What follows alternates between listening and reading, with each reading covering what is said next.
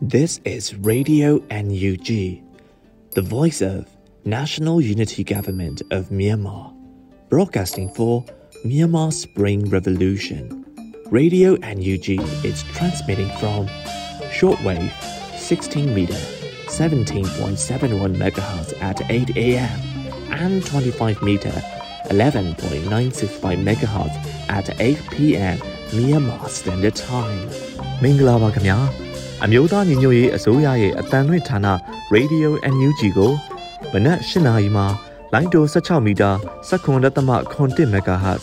ညပိုင်း၈နာရီမှလိုင်းတို25မီတာ17.665 MHz တို့မှာဓာတ်ရိုက်ဖမ်းယူနားဆင်နိုင်ပါပြီမင်္ဂလာအပေါင်းနဲ့ပြည့်စုံကြပါစေအခုချိန်ကစပြီး Radio NUG အစီအစဉ်တွေကိုဓာတ်ရိုက်အတန်လွှင့်ပေးနေပါပြီ။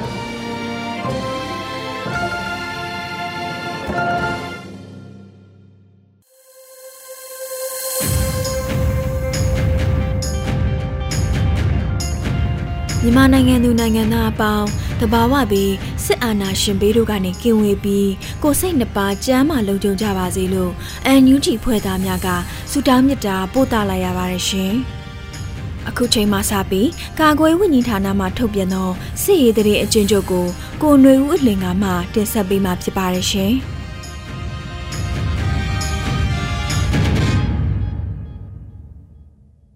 စစ်ကောင်စီနဲ့တိုက်ပွဲဖြစ်ပွားမှုသတင်းတွေကိုတင်ဆက်ပေးကြပါမယ်။ချင်းပြည်မှာနိုဝင်ဘာလ3ရက်နေ့ကမင်းတပ်မြို့မှာစကားစတက်နဲ့ CDF မင်းတပ်တို့တိုက်ပွဲဖြစ်ပွားခဲ့ပြီးစကားစတပ်သား10ဦးသေဆုံးကအများပြားဒဏ်ရာရရှိခဲ့ပြီး CDF မင်းတပ်ဘက်မှ2ဦးကြာဆုံးက2ဦးဒဏ်ရာရရှိခဲ့ကြောင်းသိရှိရပါတယ်ခင်ဗျာ။မွန်ပြည်နယ်မှာနိုဝင်ဘာလ3ရက်နေ့မနက်8:00နာရီခွဲခန့်ကရေးမြို့နယ်ရေးတံပြူစီရဲ့ကားလန်စွပ်ပလောင်ကြီးရွာနီးမှာ တံပြူစရဲ့ဘက်မှရေးမျိုးဘက်သို့ဦးတည်လာတဲ့စစ်ကားတစ်စီးကိုဒေသခံပြည်သူ့ကာကွယ်ရေးတပ်ဖွဲ့မှမိုင်းဆွဲတိုက်ခိုက်နိုင်ခဲ့ကြောင်းသိရှိရပါတယ်ခင်ဗျာရှမ်းပြည်မှာနိုဝင်ဘာလ2ရက်နေ့နေ့လယ်2နာရီခန့်ကရှမ်းပြည်တောင်ပိုင်းဖေခုံမြို့နယ်ခေါင်းဤကျေးရွာနီးမှာစကားစတက်နဲ့ KA KNDF ဖေခုံပြည်သူ့ကာကွယ်ရေးတပ်ဖွဲ့မိုးပြေးတို့အကြားတိုက်ပွဲဖြစ်ပွားခဲ့ပြီးစကားစတပ်သား9ဦးသေဆုံးက KNDF ဘက်မှ2ဦးနဲ့ ပြည်သူ့ကာကွယ်တပ်ဖွဲ့မိုးပြဲဘက်မှ2ဦးထိခိုက်ဒဏ်ရာရရှိခဲ့ကြောင်းသိရှိရပါတယ်။နိုဝင်ဘာလ2ရက်နေ့ကကုတ်ခိုင်မြို့နယ်လွယ်မခါတောင်နီးတိုက်ပွဲဖြစ်ပွားခဲ့ပြီးစကားစတက်ကိုတိုက်ခိုက်ရင်တိန်းနီ PDF အဖွဲ့မှမောင်ကျော်လင်းဦးလက်နက်ကြီးထိမှန်ပြီးကြာဆုံးသွားခဲ့ကြောင်းသိရှိရပါတယ်ခင်ဗျာ။စကိုင်းတိုင်းမှာနိုဝင်ဘာလ3ရက်နေ့မနက်9:00နာရီခွဲခန့်က CNDF နဲ့ကလေးပြည်သူ့ကာကွယ်တပ်ဖွဲ့များပူးပေါင်းကပန်းမွန်ချောင်းတရာအနီးကြောက်ခွဲဆက်မှာစခန်းချထားတဲ့စကားစတပ်များကို စစ်ကြောင်းနှစ်ကြောင်းနဲ့ပိတ်ဆို့ကလက်နက်ကြီးလက်နက်ငယ်များနဲ့ပစ်ခတ်တိုက်ခိုက်နိုင်ခဲ့ပြီးတိုက်ပွဲပြင်းထန်ခဲ့ပါတယ်။စစ်ကူလာတဲ့စကားစရင်နှန်းကိုတာစီရွာနဲ့နမြောင်းရွာအကြားမှာကလေးပြည်သူ့ကာကွယ်တပ်ဖွဲ့များမှနှစ်ကြိမ်မိုင်းဆွဲတိုက်ခိုက်နိုင်ခဲ့ပါတယ်။ထက်မှန်စစ်ကြောင်းချီလာတဲ့စကားစတပ်ကိုလည်းနမြောင်းရွာအနီးမှာဒေသပြည်သူ့ကာကွယ်တပ်များမှလက်နက်ကြီးလက်နက်ငယ်များနဲ့ပိတ်ဆို့တိုက်ခိုက်နိုင်ခဲ့ပြီးတိုက်ပွဲများကြောင့်ကလေးမျိုးစကားစစေယုံမှာ စကားစတပ်သားအလောင်း48လောင်းရောက်ရှိနေပြီးပြည်သူ့ကာကွယ်ရေးပူးပေါင်းတပ်သားတအူးကြာဆုံးခဲ့ပါတယ်ခင်ဗျာနိုဝင်ဘာလ2ရက်နေ့နေ့လယ်3နာရီခန့်ကကလေးမျိုးမှတောင်ဘက်သို့ထွက်ခွာလာတဲ့စကားစရင်ရှစ်စီးပါရင်ထဲမှစကားစတပ်သားများစီတာရွာနဲ့နမြောင်းရွာအကြားမှာမိုင်းရှင်းလင်းရေးလုပ်ကလမ်းလျှောက်လာစဉ်ပြည်သူ့ကာကွယ်တက်ကလေးမှမိုင်းဆွဲတိုက်ခိုက်နိုင်ခဲ့ပြီးစကားစတပ်သား3ဦးသေဆုံးခဲ့ပါတယ်။တစ်ချိန်တည်းမှာပဲကလေးမျိုးတောင်ပိုင်းရန်ကြီးအောင်ရွာဘက်မှ သုံးကွာနက်ချောင်းရွာဘက်သို့စစ်ကြောင်းချီလာတဲ့စကားစတများကိုပြည်သူ့ကာကွယ်ရေးပူးပေါင်းဖွဲ့ဝင်များမှကြားပြတ်တိုက်ခိုက်နိုင်ခဲ့ပြီး၃နိုင်ကျော်ကြာတိုက်ပွဲဖြစ်ပွားခဲ့ကြောင်းသိရှိရပါတယ်ခင်ဗျာမကွေးတိုင်းမှာနိုဝင်ဘာလ၁ရက်နေ့ည9:00နာရီခန့်ကပြည်သူ့ကာကွယ်ရေးတပ်စလင်းမှစလင်းမြို့အခြေဆိုင်ခလာရ255တရင်အတွင်းသို့ပစ်ခတ်တိုက်ခိုက်နိုင်ခဲ့ပါတယ်။နိုဝင်ဘာလ2ရက်နေ့ည8:00နာရီခန့်ကရေစကြိုမြို့ မြစ်ကမ်းနာအမှတ်၄ဖောင်တော်ဦးမှာပြည်သူ့ကာကွယ်တပ်ရေစကြိုနဲ့စကားစတပ်များပစ်ခတ်မှုဖြစ်ပွားခဲ့ပါတယ်။စကားစတပ်များဘက်မှစစ်ကူရောက်လာပြီးလက်နက်ကြီးများနဲ့ပစ်ခတ်ခဲ့တော့လေပြည်သူ့ကာကွယ်တပ်သားများထိခိုက်မရှိဆုတ်ခွာနိုင်ခဲ့ပါတယ်ခင်ဗျာ။မန္တလေးတိုင်းမှာနိုဝင်ဘာလ3ရက်နေ့မနက်4:20ခန့်ကတပိတ်ချင်းမြို့နယ် တောင်တလုံးကျေးရွာနဲ့မောင်ကုန်းကျေးရွာကြားမှာထီချိုင်းဘက်သို့လာတဲ့စကားဆကားတန်း၄စီးအင်အား90ခန့်ကိုပြည်သူ့ကာကွယ်တပ်ထီချိုင်းနဲ့ပြည်သူ့ကာကွယ်တပ်တပိတ်ချင်းပူပေါင်းဖွဲ့မှမိုင်းဆွဲတိုက်ခိုက်နိုင်ခဲ့ပါတယ်။စကားဆကားတစည်းပျက်စီးကစကားဆတပ်သားအနည်းဆုံး၈ဦးခန့်တေကြီးထိခိုက်ဒဏ်ရာရရှိခဲ့ပါတယ်။ပြည်သူ့ကာကွယ်တပ်သားတူမိုင်းမတော်တဆမှုကြောင့်ကြာဆုံးပြီး ၃ဦးဒဏ်ရာရရှိကမပြင်းထန်ခဲ့ကြောင်းသိရှိရပါတယ်ခင်ဗျာ။တနင်္သာရီတိုင်းမှာနိုဝင်ဘာလ2ရက်နေ့မနက်ပိုင်းကရေပြူမြို့နယ်တကတိုးရွာသို့စကားစတက်အင်အားတရားဝန်းကျင်ခန့်လာရောက်တက်ဆွဲခဲ့ပြီးနိုဝင်ဘာလ3ရက်နေ့မနက်6နာရီခန့်ကတကတိုးရွာမှမြေခန်တီရွာသို့တွားတဲ့စကားစတက်သားများကိုဒေသခံပြည်သူ့ကာကွယ်တပ်ဖွဲ့မှမိုင်းဆွဲတိုက်ခိုက်နိုင်ခဲ့ပြီးစကားစတပ်သား9ဦးသေဆုံးက2ဦးဒဏ်ရာရရှိခဲ့ကြောင်းသိရှိရပါတယ်ခင်ဗျာ စစ်ရေးပြစ်မှုတွေဖြစ်တဲ့မတရားဖန်ဆီးတပ်ဖြတ်မိရှုမှုတရင်တွေကိုဆက်လက်တင်ဆက်ပေးသွားပါမယ်။စကိုင်းတိုင်းမှာနိုဝင်ဘာလ2ရက်နေ့ညနေ9:00နာရီခန့်ကတမူးမြို့နယ်ဝီတုတ်ကျွာတရှိပြည်သူပိုင်းနေအိမ်လေးလုံးကိုစကားစားတက်နေပြူစောတိတက်များမှအကြမ်းဖက်ဖျက်ဆီးသွားခဲ့ကြောင်းသိရှိရပါတယ်ခင်ဗျာ။နိုဝင်ဘာလ3ရက်နေ့ကစကားစတက်များမှာကလေးမြို့နယ်နှချောင်းရွာနဲ့နှမြောင်းရွာအတွင်းသို့လက်နက်ကြီးများနဲ့ရန်ကားပစ်ခတ်ခဲ့သဖြင့် ပြည်သူတအူလက်နက်ကြီးထိမှန်ကြဆုံးခဲ့ပြီး၄ဦးထိခိုက်ဒဏ်ရာရရှိခဲ့ပါတယ်။စကားစတက်များမှာနှမြောင်းနှချောင်းချောင်းခွရွာများကိုဝင်ရောက်မှွေနောက်ဖျက်ဆီးက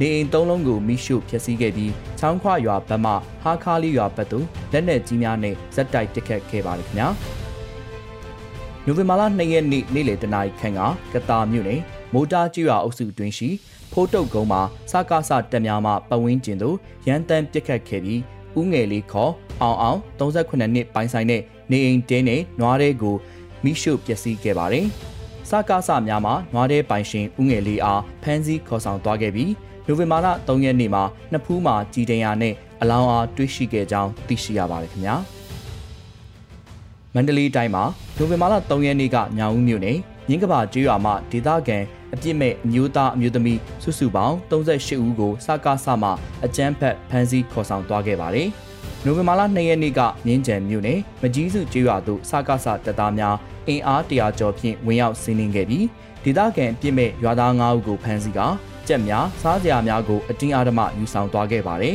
။ရွာသူရွာသားများဘေးလွတ်ရာသို့ရှောင်တိန်ခဲ့ရပြီးညနေဆောင်မှာဖမ်းဆီးသွားတဲ့ရွာသား၅ဦးကိုပြန်လွတ်ပေးခဲ့ကြောင်းသိရှိရပါတယ်ခင်ဗျာ မကွေးတိုင်းမှာနိုဝင်ဘာလ2ရက်နေ့ညနေပိုင်းကဂန်ကောမြို့မိုးကောင်းဖျားအမှတ်1ရက်ကွက်မှာ PDF များရှိနေတယ်လို့သတင်းရသဖြင့်စကားစမှာကားနစီဖြင့်ဝင်ရောက်ရှာဖွေခဲ့ပြီးဒေသခံအပြစ်မဲ့အမျိုးသား2ဦးကိုဖမ်းဆီးခေါ်ဆောင်သွားခဲ့ပါတယ်။ရန်ကုန်တိုင်းမှာနိုဝင်ဘာလ2ရက်နေ့မနက်6နာရီခန့်ကတဲကူမြို့နယ်ညောင်နှပင်စက်မှုဇုံတွင်စီနိုင်လိုင်းရှိတပြေကျန်တစ်ချမ်းမှာ PDF များရှိနေတယ်လို့စကားစများသတင်းရသဖြင့်စစ်ကားများပြားဖြင့်ဝင်ရောက်ရှာဖွေစီးနင်းခဲ့ပြီး ချန်ပိုင်ရှင်ရဲ့ဇနီးနဲ့ချန်လုံသမား2ဦးကိုဖမ်းဆီးခေါ်ဆောင်သွားခဲ့ပါတယ်။တနင်္လာရီတိုင်းမှာနိုဝင်ဘာလ3ရက်နေ့မနက်4နာရီခွဲခန့်ကလောင်းလုံမြို့နယ်အောက်ရည်ဖြူကျွော်အုပ်စုကြရက်ငယ်ထိန်ကျွော်နေကိုလူးလူဇော်ကိုစကားစတပ်သားများလာရောက်ဖမ်းဆီးခဲ့ပြီးကိုလူလူဇော်ကိုမမိတဲ့အတွက်ကြောင့်ဇနီးဖြစ်သူမက်ကျူလိုင်ဝင်းခေါ်မိချစ်ပါဝင်နှစ်နှစ်အရွယ်ကလေးနဲ့ဦးလေးဖြစ်သူဦးဇော်ဝင်းတို့အားတစားကန်ဖြစ်ဖမ်းဆီးခေါ်ဆောင်သွားခဲ့ကြောင်းသိရှိရပါတယ်ခင်ဗျာချင်းပြည်မှာ နိုဝင်ဘာလ3ရက်နေ့ကဟာခါမြို့ကျော်ပုတ်ရက်ကွက်နေတိတ်ခါတော်ရဆရာတော်ဦးဗန်ကျန်းနေအိမ်အားစကားစားတက်မှာနိုင်ငံတော်အာဏာနဲ့သိမ်းယူမည်ဟုပြောကာချိတ်ပိတ်ထားရှိကြောင်းသိရှိရပါတယ်နိုဝင်ဘာလ3ရက်နေ့ကစကားစားတက်များမတူပီမြို့နယ်မိုင်80လေးရှိရွာတဲ့ရှိနေအိမ်များကိုဖျက်ဆီးခြင်းတန်မိုးရှိပစ္စည်းများယူဆောင်သွားခြင်းရိုးရာအသုံးဆောင်များဆိုလာဘက်ထရီ TV ဗီဒီယိုကဒင်လက်သမားပစ္စည်းများမီးဇက် အိုးခွက်ပကံများအိမ်သုံးပစ္စည်းများယူဆောင်သွားခဲ့ကြောင်းသိရှိရပါတယ်ခင်ဗျာကရင်ပြည်မှာနိုဝင်ဘာလ2ရက်နေ့မနက်9:00နာရီခန့်ကညဝရီမြို့နယ်ညဝရီမြို့မှာဖွင့်လှစ်ထားတဲ့မြန်မာနိုင်ငံလုံးဆိုင်ရာចောင်းသားများဒီမိုကရက်တစ်တပ်ဦး APSDF ဆက်ဆံရေးရုံးကိုစကားစများဝင်ရောက်ပြီးရဲဘော်၄ဦးဖြစ်တဲ့ကိုအောင်ဘော်ကိုခင်မောင်ဝင်းကိုစိုးတင့်ကိုကပ်ပလီတို့ကိုဖမ်းဆီးခေါ်ဆောင်သွားခဲ့ကြောင်းသိရှိရပါတယ်ခင်ဗျာ ရှမ်းပြည်မှာနိုဝင်ဘာလ3ရက်နေ့မနက်7:00နာရီခွဲခန့်ကဖေခုံမြို့နယ်လွယ်ဟဲကျွော်အတွင်းရှိပြည်သူအိုးအိမ်များကိုစကားစမှမိရှုဖျက်ဆီးနေခဲ့ပြီးကျွော်ရှိပြည်သူများရွာလုံးကျွတ်ထွက်ပြေးတိမ်းရှောင်နေရကြောင်းသိရှိရပါတယ်။နိုဝင်ဘာလ၁ရက်နေ့ကကလောမြို့နယ်ကလောမြို့တာယာကုန်းရက်ကွက်6တွင်နေထိုင်နေအမျိုးသမီးတဦးကိုစကားစမှအင်အားအများပြားဖြင့်လာရောက်ဖမ်းဆီးခေါ်ဆောင်သွားခဲ့ပါတယ်။ရက်ကွက်နေပြည်သူများနဲ့လူငယ်များစွာတို့ကိုစကားဆမှ အကြောင်းမဲ့ဖမ်းဆီးရိုက်နှက်ခြင်းများကိုနေ့စဉ်ရက်ဆက်ရှိလာကြောင်းသိရှိရပါတယ်ခင်ဗျာနိုဝင်ဘာလ၁ရက်နေ့ကမနက်၈နာရီခန့်ကအောင်ပန်းမြို့အောင်မြင်သူလက်ဖက်ရည်ဆိုင်အနီးရှိအုပ်ခုံမှာထိုင်နေတဲ့လူငယ်လေးဦးထက်မင်းကိုစကားဆမှတနက်ဖြစ်ချိန်ရွယ်ပြီးဖမ်းဆီးခေါ်ဆောင်သွားခဲ့ကြောင်းသိရှိရပါတယ်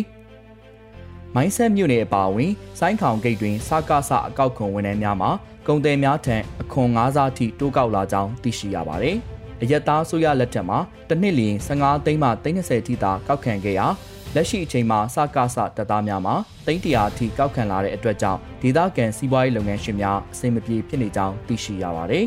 ။မိုင်းဆက်မြို့ကိုအဓိကတင်သွင်းနေတဲ့ကုန်ပစ္စည်းတွေကတော့စက်ပြမုတ်၊မြေဩဇာ၊ဘီယာနဲ့အချွေများဖြစ်ပြီးအခွန်ပမာဏကိုမပေးဆောင်ပါကပစ္စည်းများယူဆောင်သွားကြောင်းသိရှိရပါတယ်။အထွေထွေသတင်းအနေနဲ့ နိုဝင်ဘာလ3ရက်နေ့မနက်ပိုင်းကရန်ကုန်တီလဝါအမှတ်1ဗျူဟာစစ်ရေးရင်စုမှမိချောင်းအကျိုးပို့တင်ဝေါငယ်မှာတာဝန်ကျနေတဲ့တက်ကြက်ကြီးအချင်းချင်းပြစ်ခတ်မှုဖြစ်ပွားခဲ့ပြီးတဦးတေဆုံးသွားကြောင်းသိရှိရပါတယ်ခင်ဗျာယခုတင်ဆက်သွားတဲ့သတင်းတွေကိုရေပြင်သတင်းတာဝန်ခံများနဲ့သတင်းဌာနများမှဖော်ပြလာတဲ့အချက်လက်များပေါ်မှာအခြေခံပြီးပြုစုထားခြင်းဖြစ်ပါတယ်ကျွန်တော်ຫນွေဦးလင်ပါ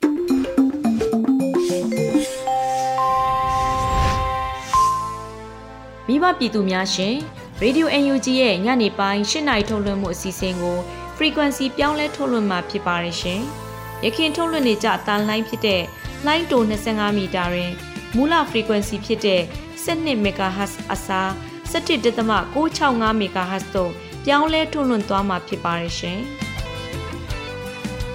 Radio NUG မှာဆက်လက်အတန်းလွှင့်နေပါတယ်။အခုဆက်လက်ပြီးပြည်တွင်းသတင်းများကိုຫນွေဦးမောင်နဲ့ຫນွေဦးမွန်မှတင်ဆက်ပေးမှာပဲဖြစ်ပါတယ်ရှင်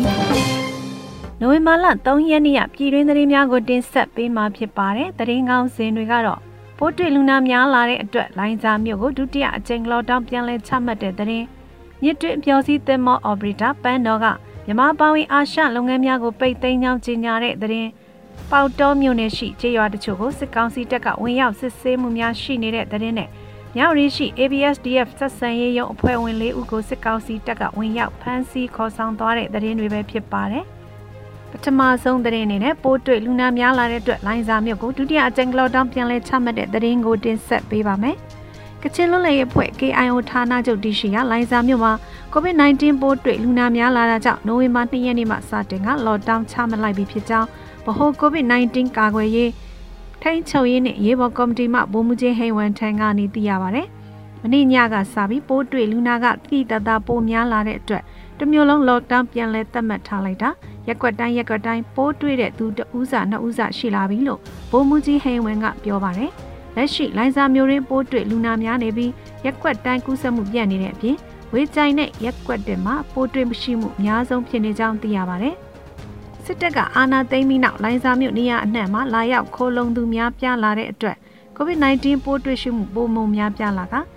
ဇူလိုင်လ28ရက်နေ့မှာစတင်ပြီးလိုင်ဇာတစ်မျိုးလုံးကိုလော့ဒေါင်းပထမအကြိမ်ချမှတ်ခဲ့ပြီးခုချိန်ဟာဒုတိယအကြိမ်ပြန်လည်ချမှတ်ခြင်းဖြစ်ပါတယ်။ပိုးတွေ့တဲ့သူတွေကိုတော့သတ်မှတ်ထားတဲ့စင်တာမှာဆေးကုသမှုခံရမယ်ဆက်ဆက်တဲ့သူတွေကြတော့ကိုအိမ်မှာ stay at home အနေနဲ့နေရမှာဖြစ်ပါတယ်။ ဒီတစ်ခေါက်တော့အရင်တစ်ခေါက်ထက်ပိုးတွေ့ပိုများတဲ့အတွက်ပိုသတိထားကြပါလို့ပြောခြင်းတယ်လို့ဘိုးမူကြီးဟိန်ဝန်ကဆက်လက်ပြောထားပါတယ်။ဒါအပြင်လိုင်ဇာ COVID-19 ထိန်းချုပ်ရေးကော်မတီမှပြီးခဲ့တဲ့ဇွန်လ14ရက်မှစက KIO ထိန်းချုပ်နယ်မြေကိုဝင်ရောက်လာသူတွေကိုဆေးစစ်ဆေးမှုခံယူစေတဲ့အပြင် quarantine 14ရက်ထိထပ်တိုးမြင့်ခဲ့ပြီးပိုးကူးစက်မှုပုံမှန်များပြားလာတဲ့အတွက်လက်ရှိအချိန်မှာ quarantine ဝင်ရောက်မှုရက်အား21ရက်ထိထပ်တိုးသတ်မှတ်ထားပါတယ်။ လက်ရှိလိုင်းစာမျိုးတွင် COVID-19 ကာကွယ်ဆေးထိုးနှံပေးနေတဲ့အပြင်အကြိမ်ပြည့်ထိုးပြီးသူဦးရေ13000ဝန်းကျင်ခန့်ရှိပြီဖြစ်ကြောင်းသိရပါတယ်။ KIO ထိန်းချုပ်နယ်မြေတွင်လက်ရှိပိုးတွေ့ရှိသူများမှာမိုင်ဂျာယန်မြို့တွင်အများဆုံး246ဦးရှိပြီးလိုင်းစာမြို့တွင်100ကျော်ရှိနေကြောင်းသိရပါတယ်ရှင်။နောက်ထပ်သတင်းတစ်ပုဒ်ကတော့မြစ်တွင်အပြောစည်းသင်းမောအော်ပရေတာပန်းတော့ကမြန်မာပါဝင်အာရှလုပ်ငန်းများကိုပိတ်သိမ်းကြောင်းကြေညာတဲ့သတင်းဖြစ်ပါတယ်။ မြစ်တွင်အပြောစည်းသင်းမောအော်ပရေတာပန်းတော့ကနိုင်ငံတကာခီးသွွာလာမှုပေါ်တက်ရောက်မှုရှိနေတဲ့ကိုဗစ်အကြက်တဲကြောင့်မြန်မာအပါအဝင်အာရှနိုင်ငံအချို့ကလုပ်ငန်းတွေကိုပိတ်သိမ်းလိုက်ကြောင်းပြီးခဲ့တဲ့ရက်ပိုင်းမှာကြေညာခဲ့ပါတယ်။ဒီချိန်ကကျွန်တော်အတွက်ကျွန်တော်မိသားစုအတွက်ဝန်ထမ်းတွေနဲ့ဖောက်သွဲတွေအားလုံးအတွက်ခက်ခဲပြီးစိန်ခေါ်မှုများတဲ့ကာလအရန်ဝမ်းနည်းစရာကောင်းတဲ့အခိုက်အတန့်ဖြစ်တယ်လို့ပန်းတော်တီထောင်သူ Post Rachel ကပြောပါတယ်။လာမယ့်နှစ်မှာခီးစဉ်များပြန်လည်ပြေးဆွဲဖို့စီစဉ်ခဲ့ပြီးခီးသည်တွေရဲ့ ကြိုတင်စည်ရင်းပေးသွင်းမှုများအားကောင်းနေစေဖြစ်ပေမဲ့လည်းလုပ်ငန်းစတင်ဖို့ရင်းနှီးမြှုပ်နှံမဲ့သူရမုံငွေလိုအပ်နေတာကြောင့်2020နဲ့2023စောင်းရသည့်ပျော်စီခီးစဉ်ကိုလည်းရပ်နားလိုက်ရပါတယ်။ကုမ္ပဏီကရင်းနှီးမြှုပ်နှံမဲ့သူများလုပ်ငန်းအတွက်ထောက်ပံ့ဖြစ်မဲ့အခြားဗန်နာရေးပုံစံကောင်းများကိုရှာဖွေဖို့လှုံ့ဆော်ခဲ့ပေမဲ့မအောင်မြင်ခဲ့ဘူးလို့ပန်းတော်ရဲ့ထုတ်ပြန်ချက်မှာဖော်ပြထားပါတယ်။မြန်မာနိုင်ငံရဲ့နိုင်ငံရေးအခြေအနေအရကုမ္ပဏီအနေနဲ့ငွေဖြစ်လွှဲမှုနေပါပြီး COVID-19 အကျပ်တဲကြောင့် ရမုံငွေထပ်မံရှာဖွေဖို့မအောင်မြင်ခြင်းကြောင့်လုပ်ငန်းကိုရဆိုင်ခြင်းမှလွဲပြီးအခြားရွေးချယ်စရာမရှိခဲ့ဘူးလို့ပန်းတော်ဘက်ကပြောကြားထားပါတယ်။25နှစ်ကြာစစ်မှန်တဲ့စွန့်စားမှုပြီးမှကျွန်တော်တို့အားလုံးအတွက်ခေတ်တစ်ခုရဲ့ညီကုန်းပါပဲလို့ Paul Stretchen ကပြောကြားခဲ့ပါတယ်။ပန်းတော်ကို1995ခုနှစ်မှာစတင်ထူထောင်ခဲ့ပြီးအရှိတောင်အာရှရဲ့မြစ်တွင်းအပျော်စီးသင်္ဘောများအနေနဲ့လမ်းသစ်ထွင်ခဲ့ခြင်းဖြစ်ပါတယ်။မြန်မာနိုင်ငံမှာအပျော်စီးသင်္ဘောဖြင့် AR နဲ့ချင်းတွင်းမြစ်တွင် ညအိတ်မြစ်တွင်းခီးစဉ်များအဖြစ်ပထမဆုံးပြေးဆွဲခဲ့တဲ့ကုမ္ပဏီဖြစ်ပါတယ်။ဒါအပြင် BNN လာအိုကမ်ဘောဒီးယားသုံးနိုင်ငံမဲကောင်မြစ်အပျော်စီးသင်္ဘော operator အနေဖြင့်အကြီးမားဆုံး operator လည်းဖြစ်ကြောင်းသိရပါတယ်ရှင်။ဆက်လက်ပြီးကြန့်ရှိတဲ့သတင်းတွေကိုຫນွေဦးမောင်ကတင်ဆက်ပေးမှာဖြစ်ပါတယ်ကျမຫນွေဦးမောင်ပါပေါတော်မြို့နယ်ရှိဂျေးရွာတချို့ကိုစစ်တပ်ကဝင်ရောက်စစ်ဆေးမှုများရှိနေတဲ့တဲ့တင်ကိုတင်ဆက်ပေးပါမယ်။ရခိုင်ပြည်နယ်ပေါတော်မြို့နယ်ကစစ်ကဲပြင်ပြိုင်းတောင် ချိုင်ပြင်ကျေးရွာများကို28ရက်နေ့30ရက်များကစစ်တပ်မှဝင်ရောက်စစ်ဆေးမှုများရှိခဲ့တယ်လို့ဒေသခံတွေကပြောပါတယ်။ပြီးခဲ့တဲ့အောက်တိုဘာ28ရက်နေ့ကစ၍ပေါတောမြို့နယ်စစ်ကဲပင်မွတ်စလင်ကျေးရွာပလီအတွင်းဝင်ရောက်နေထိုင်ကြပြီးယနေ့အောက်တိုဘာ30ရက်နေ့မှာလဲပြိုင်းတောင်ကျေးရွာနဲ့ချိုင်ပြင်ကျေးရွာတို့ကိုဝင်ရောက်စစ်ဆေးမှုတွေရှိနေတယ်လို့ဒေသခံတွေကပြောပါတယ်။ပြီးခဲ့တဲ့အောက်တိုဘာလ30ရက်နေ့နနက်9နာရီခွဲကန့်က စစ်ကဲပြင်ကျေးရွာကနေစစ်တပ်ကတပ်သားတွေဟာပြိုင်းတောင်ကျေးရွာသို့ဝင်ရောက်လာကဘုံတော်ကြီးကျောင်းတွင်နေထိုင်ခဲ့သလိုရွာအတွင်းလှည့်လည်ကြည့်ရှုမှုများလည်းရှိတယ်လို့အစိုးပါကျေးရွာမှကျေးရွာသားတဦးကပြောပါတယ်။ကျွန်တော်တို့ထမင်းစားနေတော့မှဝင်လာတာတွေ့ပါတယ်။အင်အားကတော့80နီးပါးလောက်ပဲစစ်သား60ဦးနဲ့ရဲတပ်သား6ဦးပါတယ်။ရွာကိုစစ်သားတွေဝင်လာတော့ရွာကလူတွေတောင်အပြင်ကိုတိတ်မထွက်ရဲကြဘူး။ နည်းနည်းကြာတော့စစ်သား9ယောက်လောက်ရွာကိုပတ်ပြီးတနက်တွေနဲ့လှည့်ပတ်ကြည့်တာတွေ့ရပါတယ်။ဘာဖြစ်လို့လဲဆိုတော့ကျွန်တော်တို့လည်းမသိပါဘူး။ ULA ရဲ့လှုပ်ရှားမှုတွေရှိလားအဲ့လိုမျိုးလာကြည့်တာလည်းဖြစ်နိုင်ပါတယ်ကျွန်တော်တို့ရွာမှာ ULA မရှိပါဘူးလို့သူကပြောပါတယ်အစိုးရစစ်သားတွေဟာပြိုင်းတောင်ကျေးရွာကနေတဆင့်ချိုင်ပြင်းကျေးရွာကိုအောက်တိုဘာ30ရက်နေ့နေ့လယ်2နာရီအချိန်ထွက်သွားကြပြီဖြစ်ကြောင်းသိရပါတယ်ကျွန်တော်တို့ရွာကိုတော့ဒီနေ့မနက်9နာရီခွဲလောက်ကရောက်လာတာ စစ်ကဲပြင်ကျေးရွာကိုလွန်ခဲ့တဲ့2ရက်လောက်ကတည်းကရောက်နေတာပါအဲ့ဒီရွာကိုအင်အား80လောက်ရောက်ပါတယ်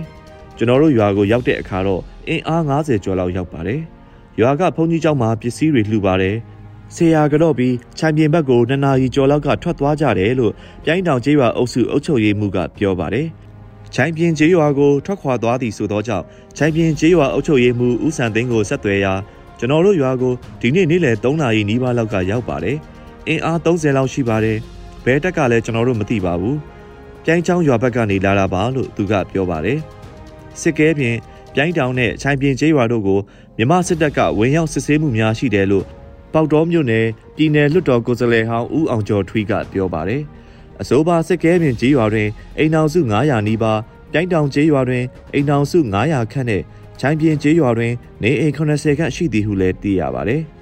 လက်ရှိမှာစစ်တပ်ကဝင်ရောက်မှုတွေရှိလာတာကြောင့်တစုံတရာဖြစ်ပွားမည်ကိုစိုးရိမ်နေကြကြောင်းဒေသခံများကပြောပါတယ်။အစိုးရစစ်သားများမှာရတိတ်တောင်မြို့နယ်93ခွန်တိုက်ရင်စစ်သားများဖြစ်ကြောင်းပြိုင်းတောင်ကျေးရွာအုပ်ချုပ်ရေးမှူးထံကသိရပါတယ်။ဆက်လက်ပြီးရဝရီရှိ ABSDF ဆက်ဆံရေးယုံအဖွဲ့ဝင်၄ဦးကိုစစ်ကောင်စီတပ်ကဝင်ရောက်ဖမ်းဆီးခေါ်ဆောင်သွားတဲ့တဲ့တင်ကိုတင်ဆက်ပေးပါမယ်။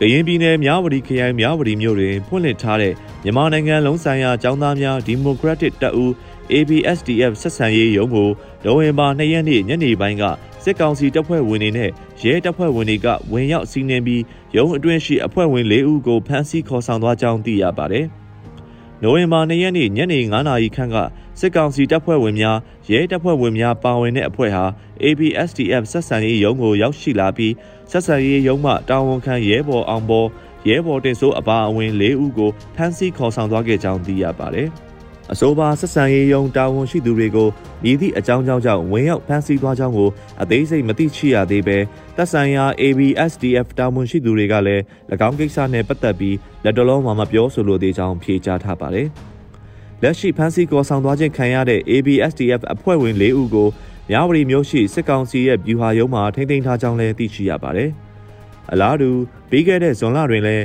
ရခိုင် ABSDF အဖွဲ့ဝင်ဟောင်းလည်းဖြစ်ပြည်ထောင်စုကာကွယ်ရေးတပ် UNRA ခေါင်းဆောင်ဗိုလ်မှူးချုပ်ခင်ကျော်ကိုလည်းမြဝတီမြို့တွင်စစ်ကောင်စီရဲ့ဖမ်းဆီးခြင်းခံခဲ့ရတဲ့ဖြစ်စဉ်ရှိခဲ့ပူပါတယ်ခင်ဗျာယခုတက်ဆက်ခဲ့ရတာကတော့နိုဝင်ဘာ3ရက်နေ့ကပြည်တွင်းသတင်းများပဲဖြစ်ပါတယ်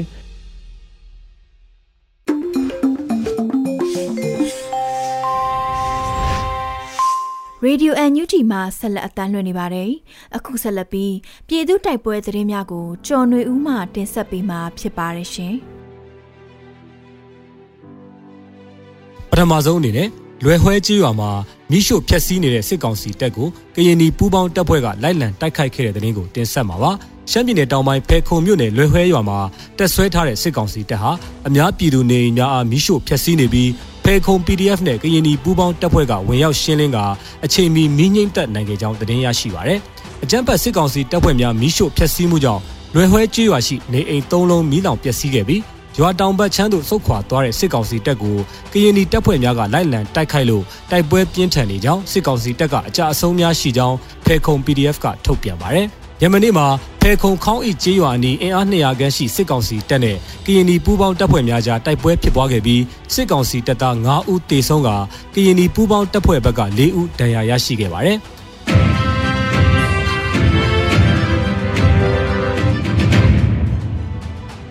ဆက်လက်ပြီးတင်ဆက်မှာကတော့မြောင်နဲ့ထီးကြိုင်မှာစစ်ကောင်စီရင်နှန်းများမိုင်းဆွဲခံရပြီးထီးကြိုင်မှာစစ်သား10ဦးနဲ့မြောင်မှာ15ဦးခန့်တေဆုံးတဲ့တဲ့တင်မှာ စကိုင်းတိုင်းထီးကြိုင်မြို့နယ်မှာစစ်ကောင်စီရင်နှန်းကိုယနေ့နေ့နဲ့တနာရီ30မိနစ်အချိန်မှာဒေသခံပြည်သူ့ကာကွယ်ရေးတပ်ကမိုင်းခွဲတိုက်ခိုက်ရာစစ်သား10ဦးထပ်မံတေဆုံးပြီးအများအပြားဒဏ်ရာရရှိကြောင်းထီးကြိုင်မြို့နယ်တရင်ရက်ကွက်များထံမှသိရှိရပါတယ်။နိုဝင်ဘာ3ရက်နနက်တနာရီ30မိနစ်မှာတကောင်းဘက်မှတက်လာတဲ့စစ်ကောင်စီကားတစ်စီးကိုဒေသခံပြည်သူ့ကာကွယ်ရေးတပ်ကမိုင်းခွဲတိုက်ခိုက်ခြင်းဖြစ်ကြောင်းစစ်သား၈ဦးထပ်မံတေဆုံးပြီးဒဏ်ရာရရှိသူအများအပြားရှိကြောင်းသိရှိရပါတယ်။ အလားတူပဲစကိုင်းတိုင်းမြောင်မြို့နယ်ပြည်သူ့ကာကွယ်ရေးနဲ့လုံခြုံရေးအဖွဲ့ CDSOM နဲ့မဟာမိတ်ဆယ်ဘွဲ့ပူးပေါင်းပြီးနိုဝင်ဘာ2ရက်နေ့မိုးလွယ်2နာရီခွဲခန့်အချိန်မြောင်မြို့နယ်ဘိုးမြတ်တာရွာတောင်ဘက်ပေါတောချောင်းတရားအလွန်မှာစစ်ကောင်စီရင်တန်း3စီးနဲ့စစ်ကားတစ်စီးနဲ့ရဲကားတစ်စီးတို့ကိုမိုင်းခွဲတိုက်ခိုက်ခဲ့ကြောင်းကားပေါ်လိုက်ပါလာတဲ့စစ်ကောင်စီတပ်သားများအဝေးသို့လွင့်စင်သွားသည်ကိုမြင်တွေ့ရပြီး15ဦးခန့်ကြာဆုံးနိုင်ကြောင်းဒေသကာကွယ်ရေးတပ်များကပြောဆိုထုတ်ပြန်ပါတယ်။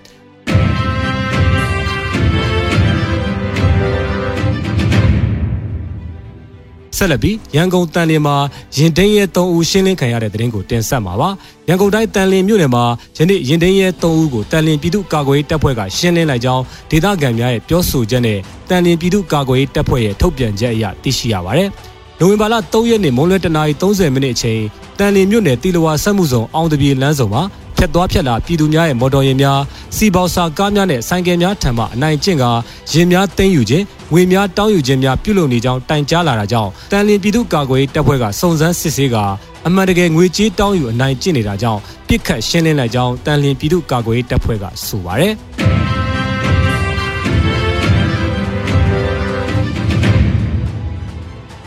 နောက်ဆုံးအနေနဲ့အမျိုးသားညီညွတ်ရေးအစိုးရပြည်ထရေးနဲ့လူဝင်မှုကြီးကြပ်ရေးဝန်ကြီးဌာနကနိုဝင်ဘာ3ရက်ရက်စွဲနဲ့ထုတ်ပြန်တဲ့ပြည်သူ့ခုခံတော်လှန်စစ်တရင်အချက်အလက်တွေကိုတင်ဆက်ပေးသွားမှာပါ။အာနာသိန်းအကြမ်းဖက်စစ်အုပ်စုရဲ့ ပြည်သူလူထုအပေါ်အကြမ်းဖက်ဖိနှိပ်ဖမ်းဆီးတိုက်ခိုက်တပ်ဖြတ်နေမှုများကိုပြည်သူလူထုတရက်လုံးကအသက်ရှင်တန်ရေးအတွက်မိမိကိုယ်ကိုမိမိခုခံကာကွယ်ပိုင်ခွင့်အရာပြည်သူခုခံစစ် People's Defensive War ကိုဆင်နွှဲလျက်ရှိပါတယ်။တရင်အချက်အလက်များအရ2ရက်17လ2021ရက်နေ့မှာရန်သူစစ်ရေးပြစ်မှတ်17နေရာအုပ်ချုပ်ရေးပြစ်မှတ်18နေရာနဲ့စီးပွားရေးပြစ်မှတ်2နေရာတို့ကိုခုခံတိုက်ခိုက်နိုင်ခဲ့ပါတယ်။ စစ်အာဏာရှင်စနစ်မြမအမြေပေါ်ကအပြီးတိုင်ချုပ်ငင်းရေးနဲ့ Federal Democracy တည်ဆောက်ရေးအတွက်ငြိမ်းချမ်းစွာဆန္ဒပြတဲ့လူထုတပိတ်တိုက်ပွဲများကပြည်내တိုင်းဒေသကြီးများမှာဆက်လက်ဖြစ်ပွားပေါ်ပေါက်လျက်ရှိပါတယ်။မြေပြင်မှာတော့ယခုတွေ့ရတဲ့သတင်းအချက်အလက်များထက်ပို၍ဖြစ်ပွားနိုင်ပါတယ်ခင်ဗျာ။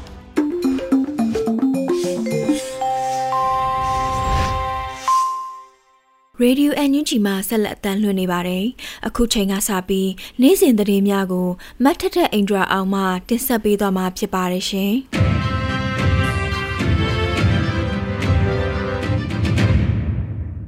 စစိုးရ6လသက်တမ်းအတွင်းလူသားချင်းစာနာထောက်ထားရေးနဲ့ဘေးအန္တရာယ်ဆိုင်ရာစီမံခန့်ခွဲရေးဝန်ကြီးဌာနရဲ့လုပ်ငန်းဆောင်ရွက်ချက်အစီရင်ခံစာထုတ်ပြန်ခဲ့တဲ့သတင်းကိုဆက်ပြီးတော့တင်ဆက်ပေးပါမယ်။အမျိုးသားညီညွတ်ရေးအစိုးရရဲ့6လသက်တမ်းအတွင်းလူသားချင်းစာနာထောက်ထားရေးနဲ့ဘေးရန်ရေးဆိုင်ရာစီမံခန့်ခွဲရေးဝန်ကြီးဌာနလှုပ်ဆောင်ခဲ့တဲ့အဓိကလုပ်ငန်းဆောင်ရွက်ချက်နဲ့သုံးသက်ချက်အစီရင်ခံစာကိုနိုဝင်ဘာ2ရက်မှာထုတ်ပြန်ခဲ့ပါတယ်။ ဧပြီ16ရက်ကနေအောက်တိုဘာ15ရက်နေ့အထိဝန်ကြီးဌာနရဲ့လုပ်ငန်းဆောင်ရွက်မှုတွေမှာလူသားချင်းစာနာထောက်ထားမှုအကူအညီပံ့ပိုးရေးလုပ်ငန်းတွဲဆောင်ဆွေးနွေးပူးပေါင်းဆောင်ရွက်မှုလုပ်ငန်းစီဒီယံပံ့ပိုးကူညီရေးလုပ်ငန်း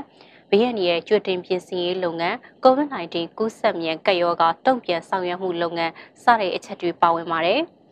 နေရဆုံးခွာထွက်ပြေးတိမ်းရှောင်နေရတဲ့စစ်ဘေးရှောင်တွေနိုင်ငံရေးအကျဉ်းသားတွေကြာဆုံးသွားသူတွေရဲ့မိသားစုဝင်တွေထိခိုက်လွယ်အုပ်စုတွေနဲ့မိသားစုတွေတဘာဝဘေးရန်ရဲ့ထိခိုက်ခံစားသူတွေနဲ့ပြည်သူလူထုအတွက်ရိတ်ခါပံ့ပိုးတာစတာတွေအတွက်ကျပ်1.48ဘီလီယံကျော်ပံ့ပိုးကူညီနိုင်ခဲ့တယ်လို့ဆိုပါတယ်။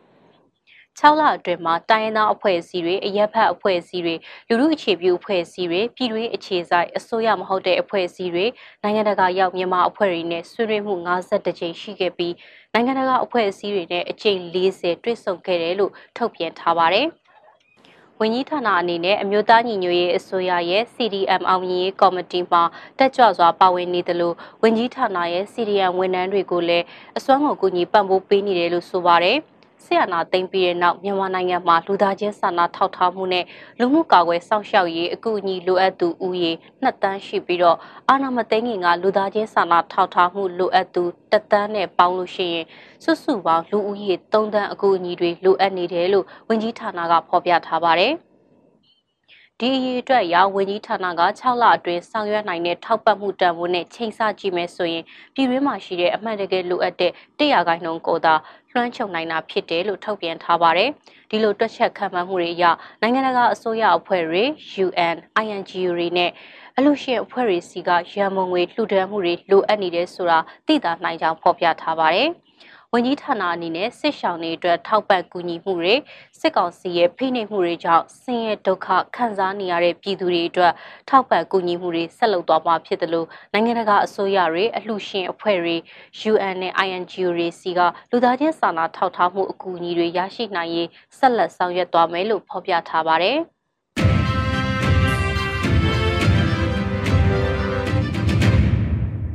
ဆက်လက်ပြီးနမ်စီရန်ဆက်ရှိကိုအမျိုးသားညီညွတ်ရေးအစိုးရကအမိပြက်စင်ရေးကြီးညာခဲ့တဲ့သတင်းကိုတင်ဆက်ပေးခြင်းပါတယ်။စီရီယံဝန်ထမ်းတွေကိုချိန်ချောက်ဖိအားပေးမှုများပြုလုပ်နေတဲ့နမ်စီရီယံဝန်ထမ်းဆက်ရှိကိုအမျိုးသားညီညွတ်ရေးအစိုးရစက်သွယ်ရေးတည်အချက်လက်နဲ့ဤပညာဝန်ကြီးဌာနကနိုင်ငံသစ္စာပေါက်တွေအဖြစ်အမိပြက်စင်ရေးကြီးညာလိုက်ပါတယ်။ အမည်ပြစင်းရဲနဲ့မှာအမြဲတမ်းအတွင်းဝင်ဒုတိယအမြဲတမ်းအတွင်းဝင်လက်ထောက်အတွင်းဝင်ဒုတိယညွှန်ကြားရေးမှူးချုပ်တဦးညွှန်ကြားရေးမှူး2ဦးဒုညွှန်ကြားရေးမှူး4ဦးလက်ထောက်ညွှန်ကြားရေးမှူး2ဦးဦးစီးအရာရှိ4ဦးဦးစီးမှူး1ဦးရုံးအုပ်1ဦးစုစုပေါင်း18ဦးပါဝင်တာပါ ထုတ်ပြန်ချက်ထဲမှာတော့အမျိုးသားညီညွတ်ရေးအစိုးရဆက်သွယ်ရေးတည်င်းချက်လက်နဲ့ဤပညာဝန်ကြီးဌာနရဲ့လက်အောက်ကမတရားတဲ့အမိအာဏာဖီဆန်ရေး CDM လှုပ်ရှားမှုမှာပါဝင်လျက်ရှိတဲ့ပြည်သူဝန်ထမ်းတွေကိုအကြမ်းဖက်စစ်ကောင်စီလက်အောက်မှာဆက်လက်တာဝန်ထမ်းဆောင်နေတဲ့ NAM CDM ဝန်ထမ်းတချို့က PR ပေးခြင်းချင်းချောက်ခြင်းတရားစွဲဆိုခြင်းဥပဒေနဲ့အညီပြန်ဆက်ရမလို့တော့တဲ့လစာချင်းငွေတွေကိုအတင်းအဓမ္မပြန်လည်ပေးဆက်ခိုင်းခြင်းများပြုလုပ်နေတာကိုနေ့စဉ်တွေ့မြင်နေရတယ်လို့ဆိုထားပါတယ်။ ဒါ့အပြင်စီရီယံဝန်ထမ်းတွေအပေါ်မတရားသဖြင့်ဖိအားပေးတာနိုင်ငံနဲ့ပြည်သူကိုတစ္ဆာဖောက်ပြီးအကြမ်းဖက်စစ်ကောင်စီအတွက်ထိရောက်တဲ့အခမ်းကဏ္ဍမှာကျိုးနွန်စွာအလုကျွေးပြုနေတဲ့အောက်ဖော်ပြပါအကြမ်းဖက်စစ်ကောင်စီလက်အောက်ခံတွေကိုနိုင်ငံဝန်ထမ်းဥပဒေပုံမှ41အရာဝန်ထမ်းအဖြစ်ကနေထုတ်ပယ်ပြီးသူတို့ကိုနိုင်ငံတစ္ဆာပေါအဖြစ်နဲ့အမည်ပြည့်စင်ရင်ကျင်းညာလိုက်ခြင်းဖြစ်ကြောင်းဖော်ပြထားပါတယ်။